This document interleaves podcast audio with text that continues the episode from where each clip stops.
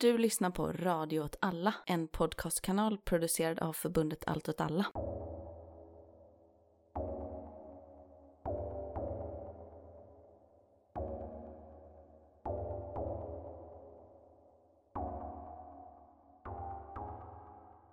Hej, välkommen till Rörelse. Udda krig och perspektiv. Hej, tack för att jag får vara här. Det är du så välkommen. Nu eh, spelar ju vi in ett intro. Till ett avsnitt som vi redan har spelat in. Ja, precis. För det här är andra delen då om eh, avsnitt om strategi. Precis. Så det är något helt nytt som vi aldrig har gjort förut. Men det känns som att vi kommer kunna klara det Jag med tror vi kommer klara det, ja. Det, gemensam det insats. känns nytt. Ja, Lite hur fräscht. ska vi kunna klippa ihop det här sen så att ljudnivåerna ligger rätt och Ja, sånt? det. Mm, Ja, det är med programmet som gör det åt oss. Normaliserar det. och- du tänker så. Mm.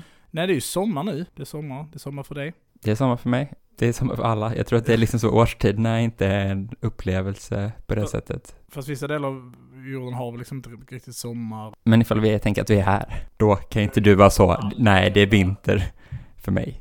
Nej, men det är ett jävligt eh, västcentrerat perspektiv du har på klimat.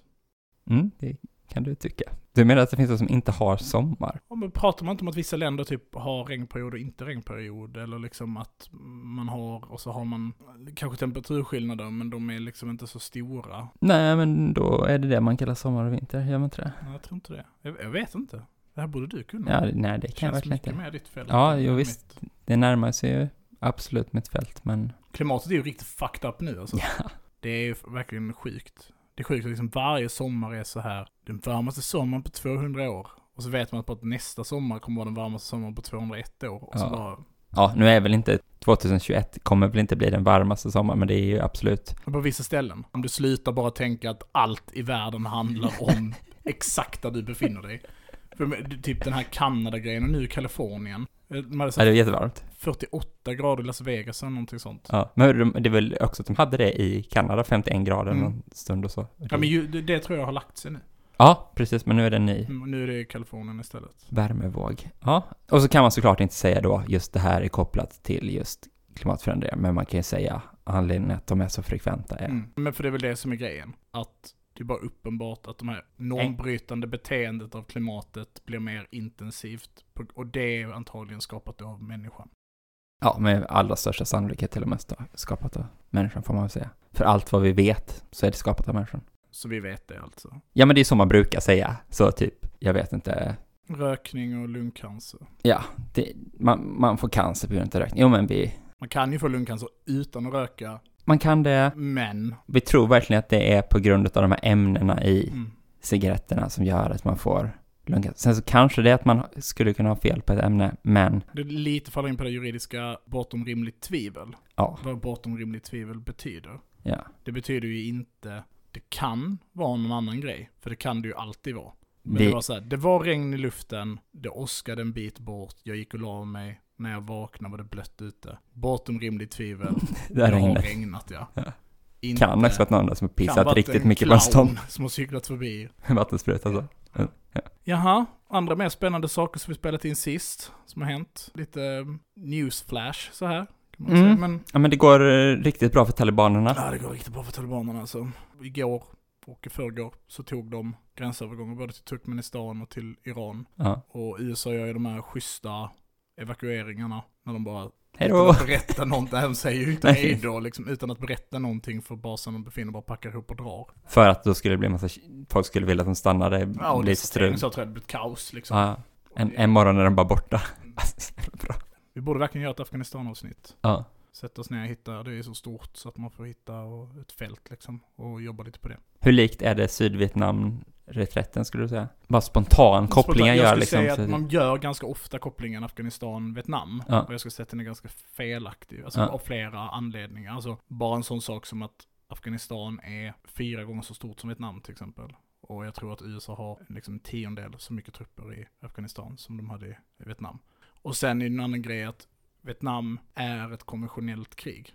Vietnam är ett land, men kriget i Vietnam, det amerikanska kriget då, det är ju ett konventionellt krig som då och då och under långa perioder tar sig irreguljärt uttryck liksom. Men det är till syvende och sist ett konventionellt krig. Och när Saigon faller, då är det ju inte liksom för att en mixmaxade liksom rebell gerillatrupper rycker fram mot Saigon. Utan då är det ju liksom pansardivisioner som rycker fram mot Saigon. Mm. Och USA har ju i all mening redan dragit sig ur då. Men det går ju mycket snabbare höstoffensiven, eller påskoffensiven, jag minns faktiskt inte vilken av dem det är, som är den som, som när Saigon slutligen faller, då kollapsar ju bara liksom den sydvietnamesiska armén. Och det tror jag att man kommer se hända i, i Men den afghanska också. armén? Ja, Ja, inhemska armén. den kommer liksom bara smälta bort. Men den har ju heller aldrig varit i samma skick som aven då, eller sydvietnamesiska armén är, som ju trots allt då var en riktig armé Mm. som fungerade. Utan de här liksom ANA då, Afghan National Army, har jättedyra leksaker och väldigt låg stridsmål. På vissa ställen. Sen finns det ju förband och delar av den som ju består av människor som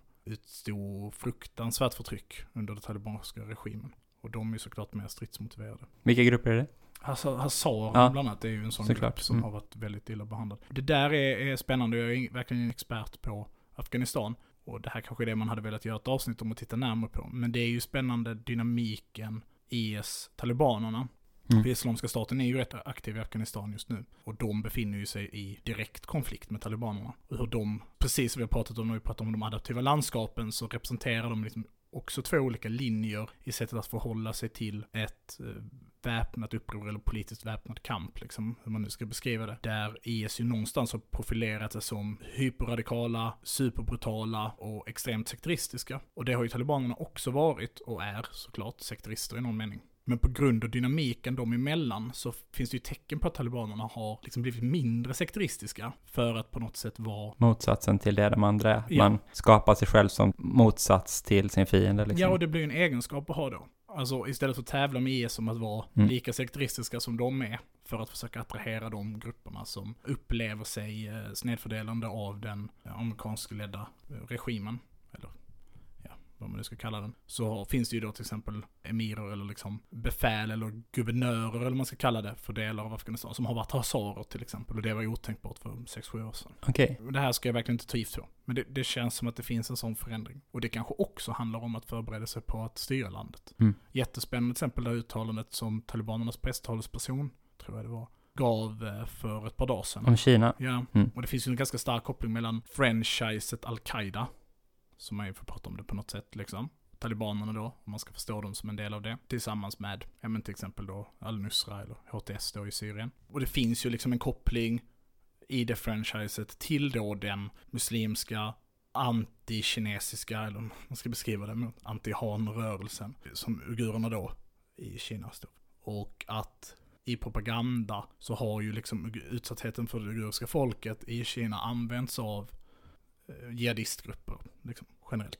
Så det var ganska spännande nu att se att talibanerna gick ut och var så tydliga med att Vi fördömer det som händer, men Kinas inrikespolitiska problem är Kinas problem och det lägger vi oss inte i. vilket är så väldigt konstig sak att säga. Ja, det är väldigt, väldigt speciellt.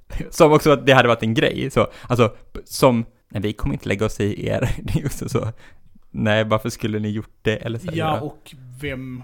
Eller jag, jag kan bara förstå det som att det handlar om att både förbereda sig för att, att de förbereder sig för att ta kontrollen över Afghanistan och då börja förhandla med grannländerna, till exempel Kina och Iran. Um, och också att man kommer, att de ser en framtid där det är Kina som kommer stå för, inte säkerheten kanske, men då ekonomisk prospektering i Afghanistan till exempel. Där eh, talibanerna måste förhålla sig till det. Alltså för det är ju skillnad på att styra ett land och vara en motståndsgrupp på gränsen till Pakistan. Afghanistan gränsar väl inte till Kina? Jo, Gör det? vi, vi kan kolla upp det här, men jag är rätt säker på att det finns en liten land. En liten, liten? Ja. Jo, där, Afghanistan gränsar ju till, till, eh, till Kina via den här, jag vet inte om den heter Vakan-korridoren eller, Mhm. som går ut som en liten eh, tarm liksom, mellan Tadzjikistan och Pakistan. Och ut i allra västraste Kina. Okej, ja, men det är, en, det är en jävla liten connection där, men ska Belt and Road gå genom Afghanistan? Nej? Jag tror inte det, för jag tror att den ska gå ner via Pakistan. Ja. Men jag, jag kan tänka mig även att det spelar liksom roll på det sättet att Pakistan och Kina har ju ett väldigt nära samarbete. Eh, Och att eh, Pakistan, om inte de, man kan, det är väl fel att säga att de stödjer talibanerna, men talibanernas liksom huvudsakliga stöd kommer inifrån Pakistan.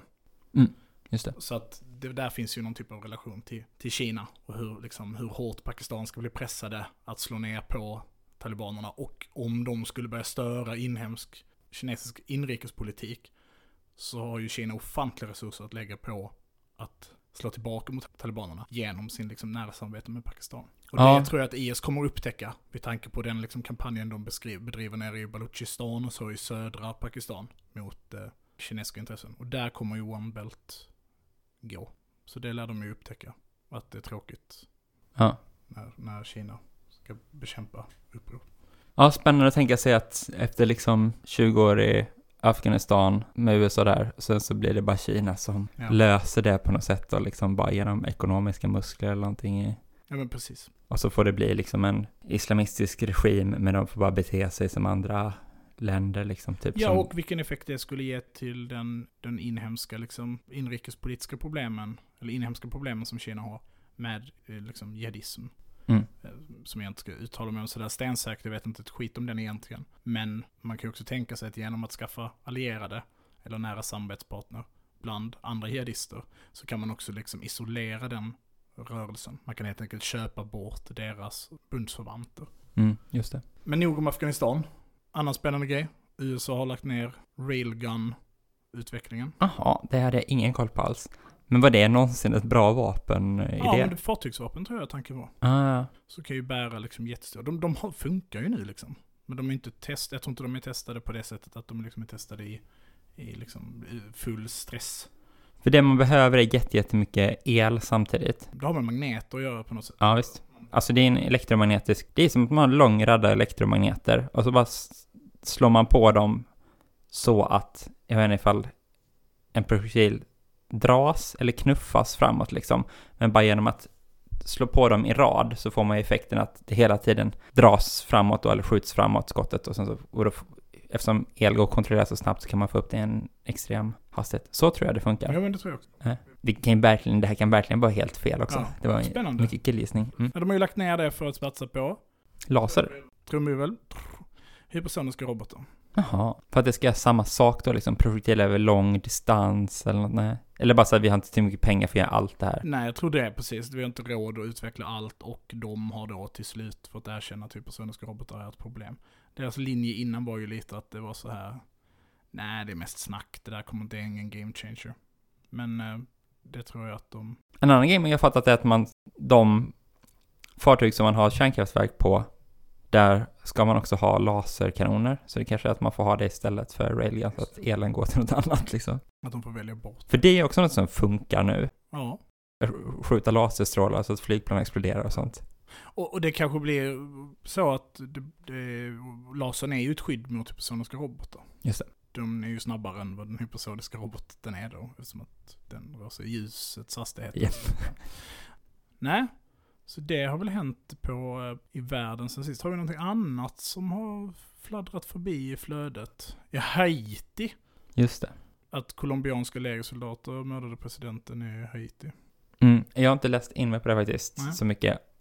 Bara att Haiti har ju varit ett väldigt eh, pajat land av typ USA väldigt, väldigt länge. Ja, jag inte, läste någonstans, jag, inte, jag vet inte om det är sant, men jag läste någonstans att typ eh, Hillary Clinton, när hon var utrikesminister, i princip hotade Haiti att dra tillbaka en minimumlönshöjning på grund av effekten det skulle ha på liksom amerikanska företag.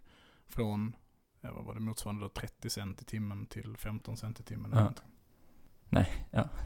Men, och så nu har de liksom, och att mordet var liksom så här, Det går in tio snubbar med vapen och skjuter ihjäl någon liksom i ett Ja. hus. Så. Mm. Och så är det presidenten. Ja, de är gripna. ja De jag försöker tror ta sig in på Taiwans ambassad skydda. det. tror jag. Taiwan ambassad. Det låter rimligt, ja. Det, var det. det är konstigt att Taiwan har ambassader. Med tanke på att det är ett land. Okej. Kina skickar pengar. Det är konstigt att, eh, att eh, Kina har en ambassad där, eh, skulle jag säga. Nej. när de inte är ett land. Ja, precis. Det är kul att hålla på Taiwan. Jag tror Tycker att det är det Taiwan riktiga som ska Kina. vinna. Och att det är de som Ja. kommer gå och vinna ändå den. Ja, ja. Nej, men ni kanske ska få lyssna på vårt avsnitt istället. Istället för vårt jätte- jättelånga försnack. Det här är då del två. Om ni ska lyssna på det så rekommenderar jag verkligen att ni lyssnat på förra eftersom att det bara är fortsättningen av vårt prat då. Där vi kanske mer försöker prata lite om hur det här går att använda politiskt eller fundera på politiskt, men mest pratar om Starcraft. Ja. Eh, så eh, håll till godo. Precis. Ha en bra sommar. Ät mycket glass, skjut med mycket vapen.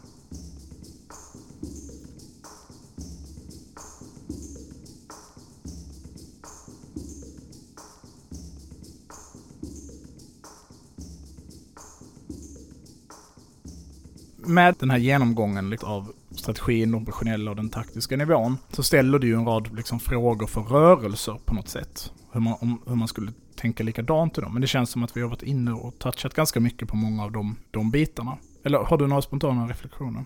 Ja, men alltså, det är väl just det här med kanske att, jag tänker på det här med att skilja på uppnåbara mål då och strategi, liksom att diskussionen om strategier måste förhålla sig till att man då har mål och så. Ja, just det. Man brukar vilja skapa strategier utan att ha konkreta mål. Ja, Mm. Och där kan det uppstå mycket friktion. Ofta är det väl för att man inte kanske vill prata om målen. mm. För att det kan visa sig att man inte håller med varandra då.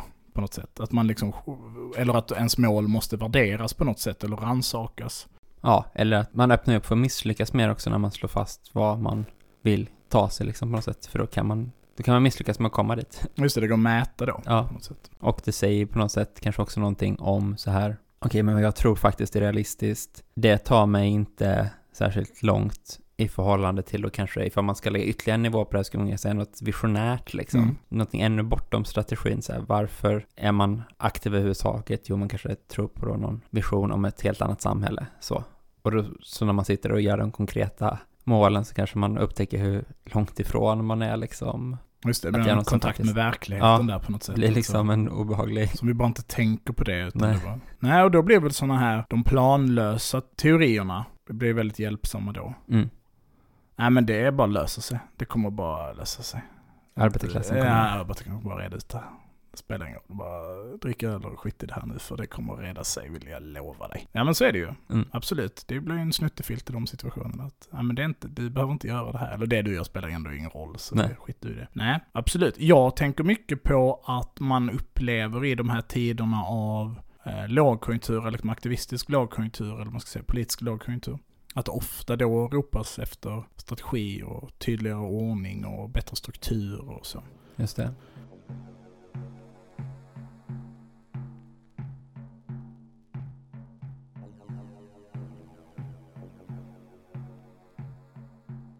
Sen blir det konstigt för nu ska vi prata om, om krig, men kan vi säga så här, varför jag tycker det kan vara relevant att använda de här termerna är för att politik, jag förstår politik som konflikt. Så, jag tänker politik inte som en dialog utan som en, en konflikt mellan parter. Um, och den behöver inte vara våldsam liksom. Men, men att, det- utan det är så jag förstår politik, att det är olika gruppers intressen som står emot varandra och det, är- mellan dem uppstår det konflikt. Och krig och krigsteori handlar ju någonstans om hur du i konflikt med någon annan uppnår dina mål. Och om man då tänker på det på det sättet så tänker man så här att när det finns en högkultur eller när konflikten är väldigt intensiv, då uppstår den här perioden av nu händer det här, nu växer det organiskt fram sätt för oss att föra den här konflikten. Det kan vara väldigt framgångsrikt på det lilla planet och det kan vara väldigt framgångsrikt på, på ett, eh, liksom ett eh, större regionalt omfång liksom. Men kanske inte alltid så bra för hur man efter konflikten har, efter att konflikten har nått sin kummel och den avtar att stå starkare på andra sidan. Och det är här jag tänker att den strategiska dimensionen saknas. Man tänker ofta att man kan lösa de, den mer konkreta politiska krisen, alltså avsaknaden av konflikt, med hjälp av en tydligare strategi. När jag tror att det egentligen inte finns något riktigt samband mellan de två. Utan konflikten kanske måste vara uppdragstaktik liksom. Den kanske måste vara intuitiv och organisk och så uppstår en situation och sen så hanterar man den och i den konflikten så när man ser möjligheterna så gör man dem. Men att på den strategiska nivån så måste det någonstans ha formulerats, okej, men i ett gäng steg framåt, vad tänker vi att det ska ta oss konkret? För jag kan känna att vi kan vara så fruktansvärt duktiga på det taktiska, politiskt taktiska. Mm. Nu händer det här, nu måste du ta snabba beslut, nu måste vi rulla med bollen liksom. Här har vi en lucka, nu kör vi på den. Men att efterfrågan av strategi ofta känns som att det har mer med det att göra, mer än det vad faktiskt strategi är.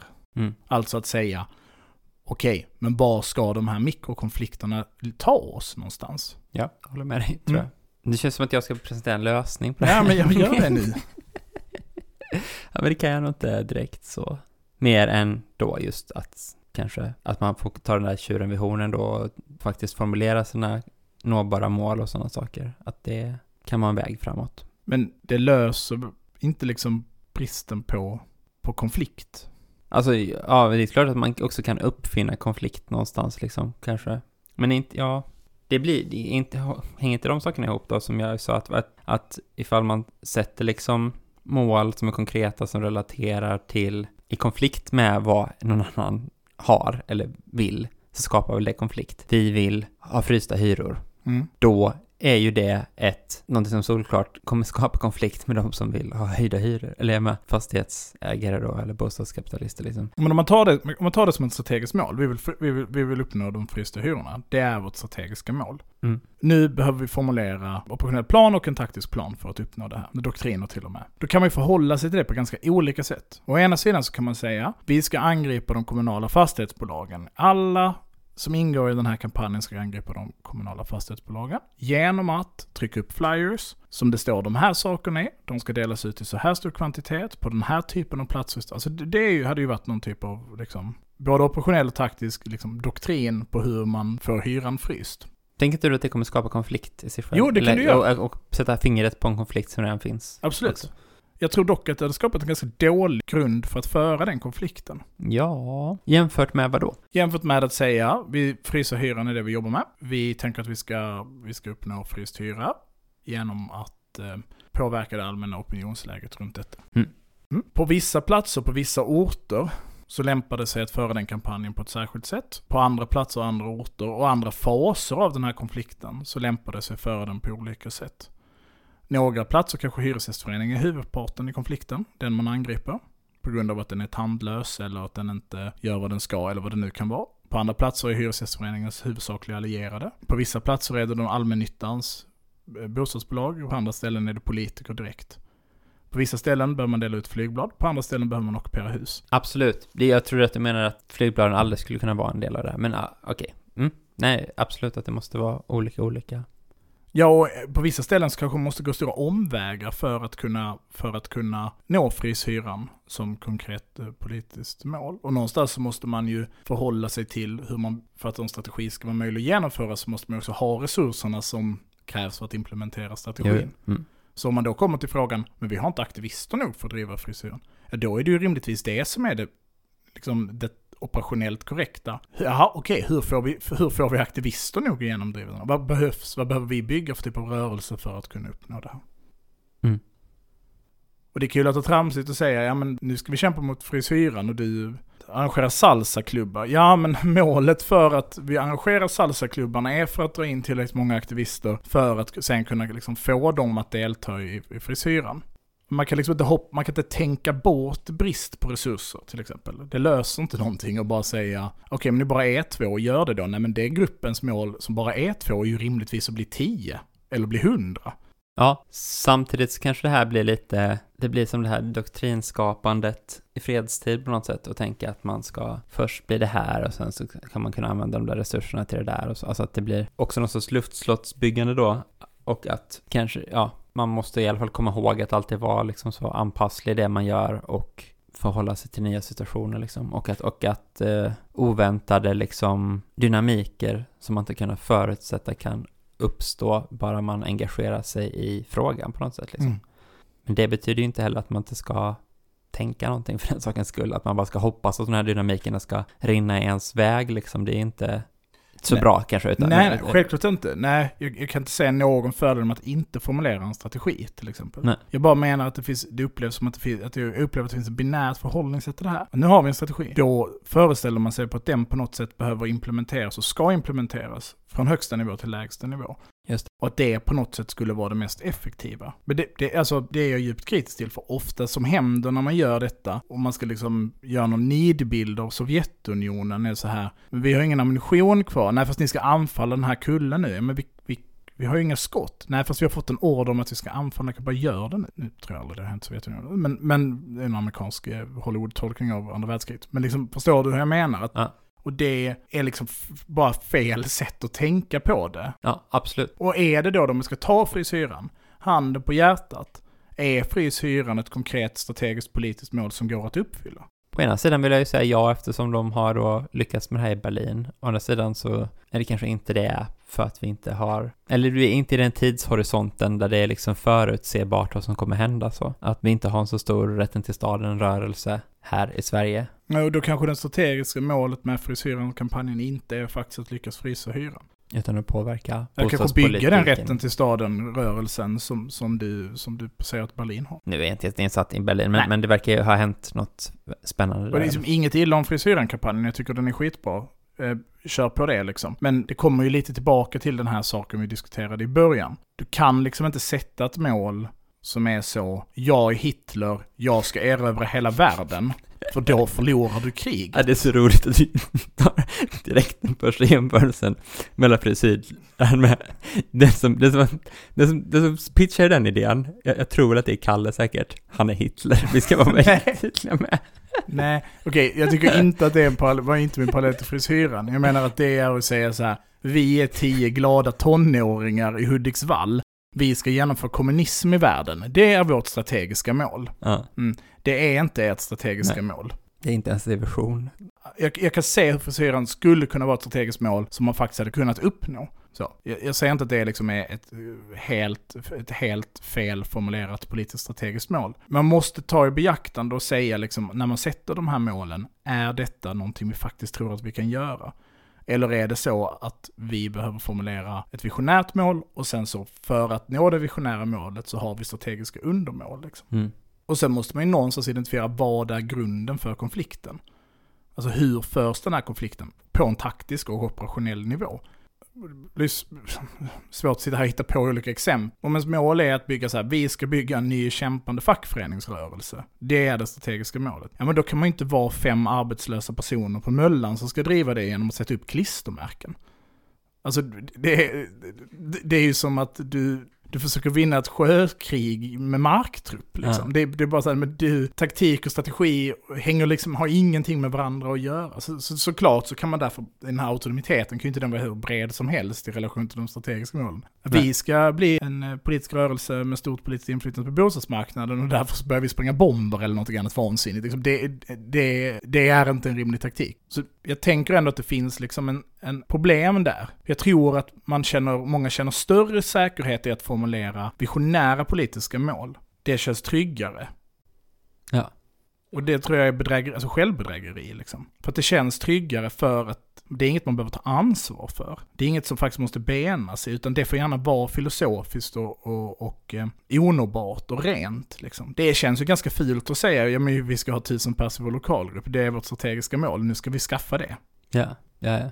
Och patetiskt ifall man då misslyckas på något sätt. Ja, om man är då fem arbetslösa killar och så letar upp klistermärken så är det klart att det är patetiskt liksom. Men, men bara att säga att vi ska ha hundra aktiva medlemmar, det är vårt strategiska mål. Som att rekrytera medlemmar var målet. Ja, men om, om du vill ha politiskt inflytande behöver ju rimligtvis ha människor nog att få det. Det måste ju inte vara cyniskt eller hemskt liksom, att, Mm. att inte som ett pyramidspel, man ska inte lura, utan att vi ska övertala människor att tycka som vi tycker och hitta människor som känner de här sakerna som vi känner och så vill vi kanalisera det till politisk kraft. Det, är det liksom fel?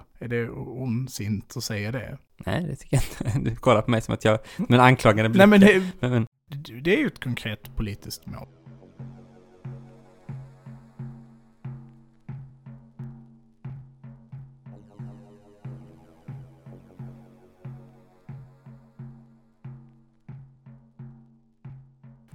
Nej, men jag tänker också att det på något sätt, tänker att du började med att säga så här, åh, det är så, folk som är insatta i liksom militär teori stör sig så mycket på att folk säger fel på strategi och taktik och så. Men samtidigt tycker jag att, som vi har pratat om det nu, så visar det ändå att det är inte världens skarpaste gränser liksom heller. Allting handlar ju om att man, om måluppfyllnad på något sätt, liksom att man vill ta sig någonstans. Men sen så gör man modeller för att dela upp det för att liksom kunna konkretisera och förhålla sig till det på ett rimligt sätt, liksom att man försöker boxa in verkligheten i, i liksom kategorier för att det ska bli överblickbart och greppbart. Och att då kan man liksom konkret jobba med det och säga nu gör vi det här och nu gör vi det där, nästa steg och så. Att, att, men att det ändå känns som att i praktiken är ganska flytande allting. Liksom. Jag tycker nog inte det. Jag Ja. tycker nog att det är ganska lätt att separera dem ifrån. Kan du komma på ett klurigt exempel här? När det är svårt att säga om det är strategi, strategi eller taktik. Har vi inte sagt det hela tiden? Hur är det egentligen när man spelar Starcraft eller inte? Är det verkligen ett strategispel? Mm, det beror på hur man ser på det. Nej, det är inte strategispel. Nej, nej det är, Starcraft är inte ett strategispel. Det är inte strategi som sker i Starcraft. Varför inte det då? Ja, alltså för det första så formulerar man ju inte på något sätt, själva spelmekaniken bygger ju inte på något sätt på att formulera hur man uppnår målet. Målet är att du ska förstöra den andra fiendens eh, baser, tror jag man vinner på i Starcraft ifall de inte har några baser kvar. Och att det spelet går ut på är att uppnå ett redan satt strategiskt mål. Då är det ju lika mycket som pingpong skulle vara ett strategiskt spel. Ja. Du, du, på något sätt, du förhåller inte det hela det strategiskt till liksom, ja okej, men eh, vilka försörjningslinjer har jag för att komma hit? Varför hamnade vi här? Vilket, varför slåss vi på den här? Man väljer inte spelplan på något sätt, utan den är ju förvald eller slumpad. Fast man väljer vilken del av kartan man siktar in sig på. Alltså, alltså man kanske Nej, har... du har en spawn point där du sätts ut. Jo, men vart, hur du anfaller din motståndare. Nu har jag inte spelat Starcraft. Nej, men det är taktik. Hur anfall ser ut, det är taktik. Må hända att det kan vara operationellt vid vissa tillfällen, men strategi är det ju aldrig. Det kan inte finnas en strategisk dimension av att så här, tänka så här, ja, eh, gör en sån här meta-analys av så här, de som brukar spela, ja, vad heter de? Zerg, Protoss eller Terran. Ja, de, Det där är ju strategi, det är ju inte en del av spelet. Det är klart en del av spelet. Nej men du kan ju spela det mot en AI. Då- Strategin är då när du väljer vilken... Fraktion du själv Mm. spelar beroende på Mm. metagame. Jag skulle säga liksom- att det är lite som man kallar wargame för en lobby simulator. Liksom. Att det är, Det har jag aldrig gjort så jag vet inte vad det är. nej men att, att spelets poäng är att du simulerar att du sitter i en lobby och väntar på att få en match. Det är det som är spelet liksom. Om, om du tänker att välja AI-inställningar är, är absolut. Men den, Absolut, sa du nu. Ja men, mm, men det är det inte. Så att det, men det skulle till och med kunna ta ett exempel då som att om Starcraft skulle vara strategiskt så hade det också funnits situationer där man är så här, det är inte fördelaktigt för mig att vi krigar med Zerg. Så därför så försöker jag driva en fredslinje under den här matchen för att deeskalera konflikten för att jag egentligen vill möta Protoss-spelare. Det valet finns inte. Tycker du, nu tycker jag du lägger in väldigt specifika saker i... Ja men det är väl någon strategisk dimension. Det är lite som att spela fotboll och säga vår strategi är, vår, vår strategi när vi spelar mot Slovenien, det är att omforma sättet vi spelar fotboll på genom att få att det ska lobba för att det ska sluta med en rund boll.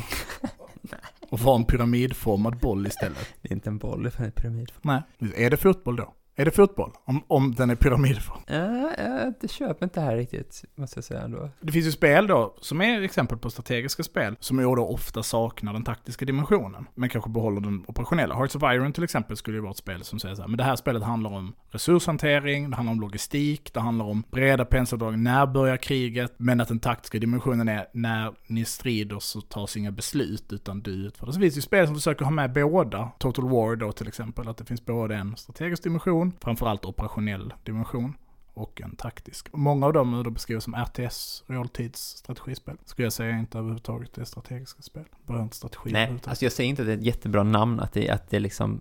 Du är inte med och utformar liksom hur flygplanen ska se ut för att maximera effekten mot... mot Nej, eh, nej, nej, nej. visst, jag, jag förstår. Man skulle kunna gjort spelet mycket mer Vad är ditt strategiskt. politiska mål i en Starcraft-match? Liksom? Vad är det? Man skulle kunna gjort spelet mycket mer strategiskt. Men Eller det. strategiskt? Men även i, i varje situation som man betraktar så kan man ta ut aspekter som är mer strategiska och mer taktiska. Att man alltid kan sätta upp den skalan och Ja, det rör ju sig inom samma fält liksom. Så är det Ja. så. För de rör sig inom fältet av krig. På samma sätt som är en, är en människa och en buske samma sak? Inom ekologin då. Är det samma sak? eh, nej, Nej. jag förstår inte jämförelsen. Men med olika skalor så skulle det kunna bli tydligare och otydligare och skiljande. Det är två levande organismer till exempel. Vissa människor är mer buskar än andra. Mm. Jo, men kanske. Vissa Okej, strategier visst. är mer taktiska än Mm, andra. mm. Men det är inte samma sak. Liksom. Nej, nej, att det inte är samma sak tycker jag inte Eller alls. att det är svårt att säga att det, rör sig på en flytande skala. Det är svårt att säga, liksom, är det en buske eller är det en människa? Nej, det är klart att...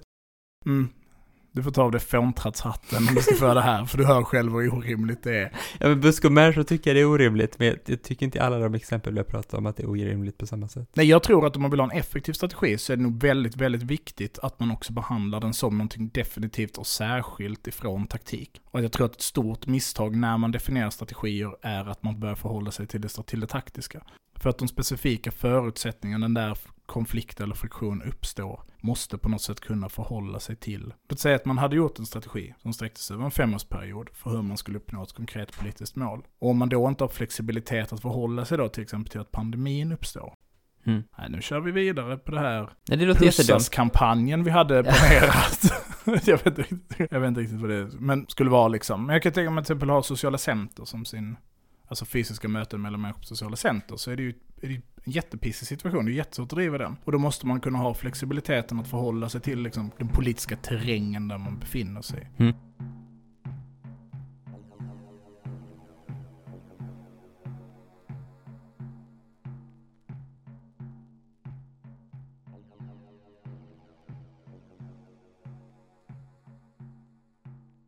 Någonting annat vi inte pratat om, om i det här som man hade kunnat prata om är ju också den här skillnaden mellan manöver och utnötning. Att i en, as en asymmetrisk styrkeförhållande mellan konflikt, konfliktparter så kan den svagare parten på den operationella nivån kan den inte välja utnötning. Nej. Och i någon mening så skulle jag då att det är även på en strategisk nivå inte kunna välja utnötning. Men vad var det vi sa om grillakrig och det att, Ja, alltså, jag minns inte vad vi sa om gerillakrig, så nu kanske man säger jag säger emot mig, helt, säger emot mig själv här. Men om man är den svagare parten, och det, behöver nödvändigtvis inte alltid vara att man är den svagare parten, till exempel mantal, om man då ska ta Vietnamkriget. utan Man har faktiskt råd att förlora, vilket hur cyniskt och hemskt det än låter, men man har råd att förlora politiskt, har råd att förlora betydligt fler människor än den andra. Då kan man ju bedriva någon typ av utnötning.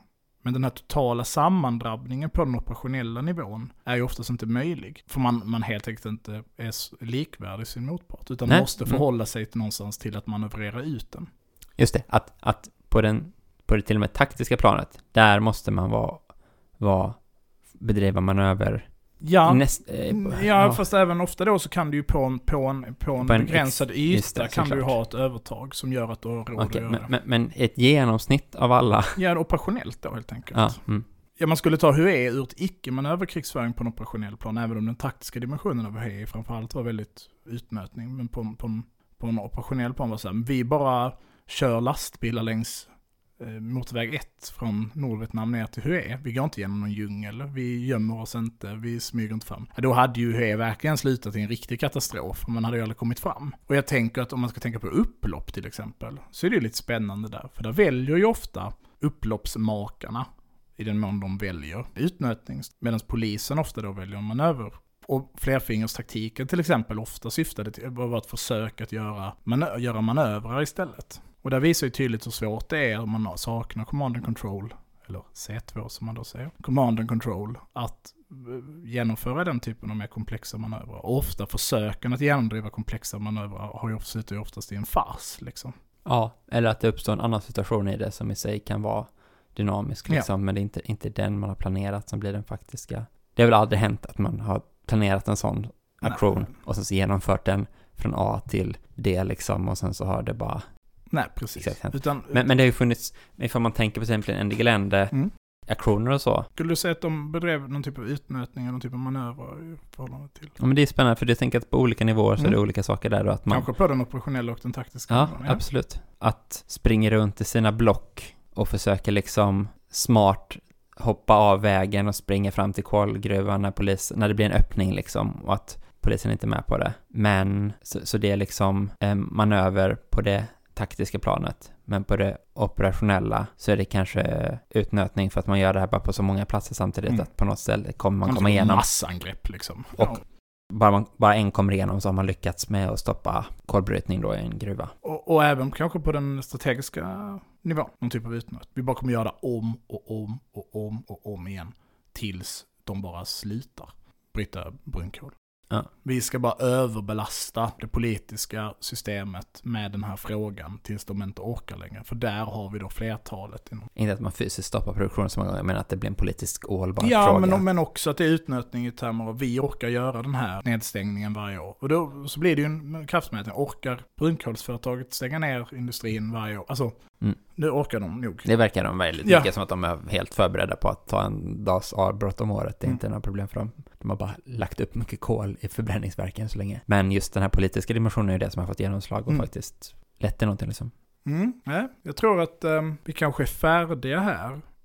Även om det känns som att det finns ganska många spår kvar. Jag, Nej, jag vet. Jag tycker bara intressant det här som du sa med, eller att tänka på det här uppdragstaktiksättet på något sätt, liksom hu- hur man kan formulera en strategi som möjliggör en stor frihet liksom, men ändå en tydlighet så här. Alltså, hur blir det lätt att göra saker som syftar till det strategiska målet samtidigt som man inte då låser sig vid specifika kommando liksom eh, metoder så liksom. Eller Men är det så svårt? Om man faktiskt lyckas formulera konkreta politiska mål. Då borde det rimligtvis vara ganska uppenbart att det finns många olika sätt att göra det här på. Och att olika situationer kräver liksom olika typer av praktiker för, eller då taktiker för att uppnå dem. Mm, så är det kanske. Jag vet inte, har man någon gång suttit ner och faktiskt gjort det här? Ja, det har man säkert, men inte svårt att tänka på eftersom man inte har tänkt i de här termerna då. Och det kanske man, kommer vara en hjälp. förhoppningsvis. Men om man tänker då liksom så här, Möllan ska bli ett rött område liksom. Ja, det målet är ju lite visionärt och diffust för att man vet inte riktigt vad det betyder. Så det kanske hade behövt göras lite mer konkret. Det kanske hade behövt sägas vi ska ha, vi ska uppskattningsvis ha så här många medlemmar runt området och vi ska uppskattningsvis ha så här många sympatisörer i området. Eller vi ska ha valresultat som ser ut på det här sättet. Jag kan komma på ganska många olika sätt spontant för att nå dit. Jo, Och jag vet inte hur bra det hade varit att både att någon långt borta från Möllan satt och tänkte ut hur det här skulle göras, eller för den delen att man satte upp en treårsplan på hur det skulle genomföras. Utan vi ska arrangera gårdsfester.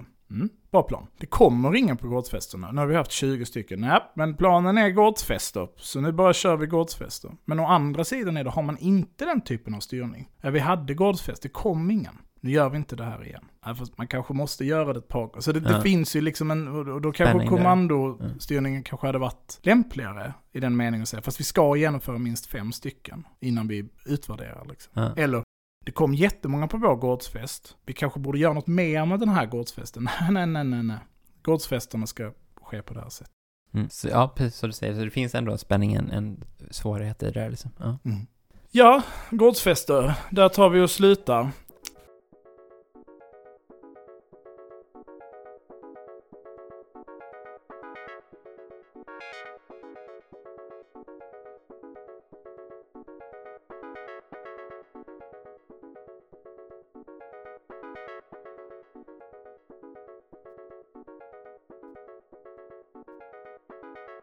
Här var avsnitt eh, två. ja, då är vi färdiga med, med vår strategi tvådelars avsnitt. Ja, det var inte meningen att det skulle bli det från början. Nu har det varit det. Nu har det varit det. Kul att ni har lyssnat. Hoppas man kan ha med sig något av det här på något rimligt sätt. Du kan ta med dig ditt eh, privatliv, tänker jag. Ja, det, så, det skulle jag kunna göra. Mm. Vad är mina mål i livet? Dina konkreta livsmål. Hur ska, ska jag sova på natten eller på dagen? Ska jag fortsätta äta det här Min- skulorna? Som man ger till grisar. Du kan inte kalla min smörbröd bowl för du är skulor. så jävla avantgarde i din Ja. kost. Jo då. Avantgarde, är ett bra, det, det vill jag jobba mycket med. Mm. Det ska bli en del av min eh, operation. Din, precis, din doktrin. Eh, jag heter eh, Trojkan1337 om ni vill följa med på Twitter. Du heter, Att slukhall. man kan följa oss på Instagram. Den heter eld.och.rörelse. Ja, Och ni kan stödja Allt alla Malmö genom att bli Patreons. bara ge dem era pengar. Jajamän. Ehm, och vi vill eh, återigen tacka vår eh, klippare, Pastor Hansson. Tack så mycket för att du klipper. Det är fint. Ha det gött! Ha det fint. Hej då. Hej.